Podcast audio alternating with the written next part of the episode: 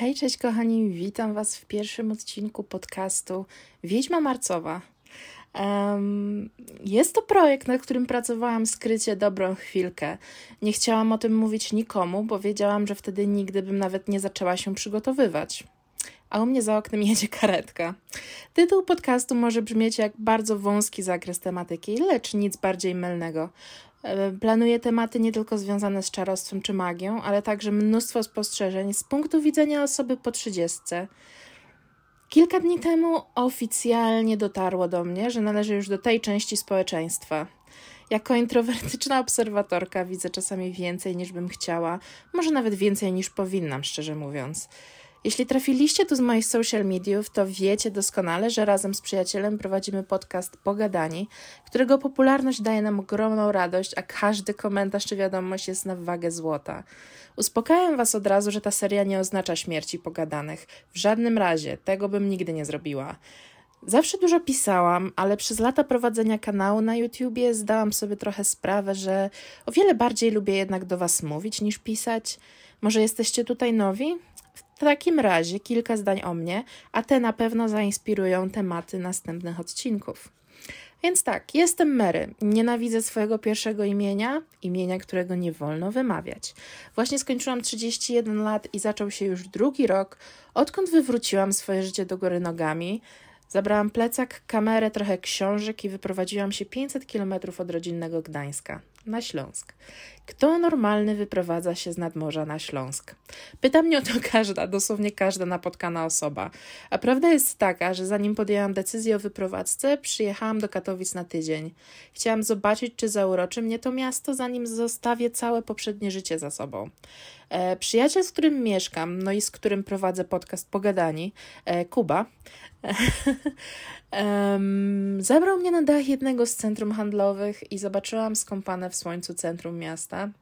No i półtora miesiąca później już przewoziłam swoje rzeczy. Miałam nagraną pracę, kupione meble i ozdoby do pokoju i byłam bardzo, bardzo podekscytowana tym nowym etapem. jednocześnie przerażona, bo nigdy wcześniej nie mieszkałam samodzielnie. To było naprawdę coś. Kilka dni przed pierwszym dniem w nowej firmie siedziałam trochę nerwowo w poczekalni do gabinetu medycyny pracy. To jest dobra historia.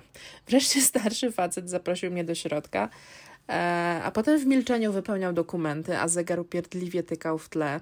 To było co najmniej memiczne. To było naprawdę memiczne.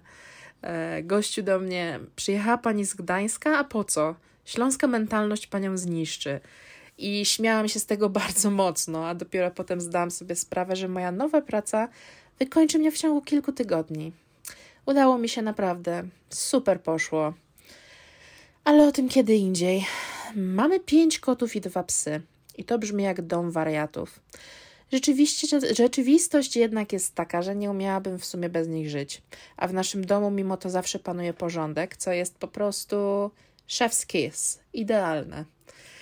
W dzień przeprowadzki dostałam mojego pierwszego kota, o którym marzyłam w sumie całe życie. Miałam psa przez prawie 14 lat, um, ale zawsze chciałam mieć kota. Czekałam na niego niecierpliwie, bo proces adopcyjny w sumie rozpoczęłam jeszcze z Gdańska. E, I pewnego dnia Kuba przysłał mi post e, z fundacji adopcyjnej, w którym opisywano historię kociaka, którego nikt nie chciał przygarnąć z powodu tego, że był czarny. I to w sumie jest strasznie rasistowskie, jak to mówię teraz. Miał także wadę serca. Na zdjęciu siedział śliczny maluch, któremu główka wystawała z garnka. Zakochałam się momentalnie, a kot z garnka, który miał mieć na imię Salem, jechał już z nami do domu ale powiem Wam, że tak darł mordę, jak e, jechaliśmy całą drogę e, i dla mnie stało się jasne, że Salem wcale do niego nie pasuje. Tak więc został Jaskrem, bardem z uniwersum Wiedźmina. Mogę szczerze powiedzieć, że jest upośledzony i głupiutki, ale kocham go nad życie. Kilka miesięcy temu współlokator znalazł, w sumie były współlokator, znalazł na ulicy małe kocie. Wzięliśmy je, żeby troszkę podrosło i żeby znaleźć mu dobry dom, ponieważ mieliśmy już naprawdę wystarczająco dużo zwierzaków. Ale szybko dotarło do mnie, że będę miała idealną siostrę dla jaskierka. Tak oto do naszej rodziny dołączyła Daenerys, Mhm, Mad Queen, Weldudu albo Dusia, różnie ją nazywamy. Z nimi nigdy nie czuję się samotna. Samotność Hmm, w sumie samotność, tak. Ostatnio w związku byłam ze 100 lat temu, a często się śmieję, że moja orientacja seksualna to niezainteresowana. Dobra, uciekam stąd. Swoją drogą właśnie wpadłam na pomysł przyszłych odcinków i nie mogę się już doczekać. Trzymajcie się, kochani, do usłyszenia.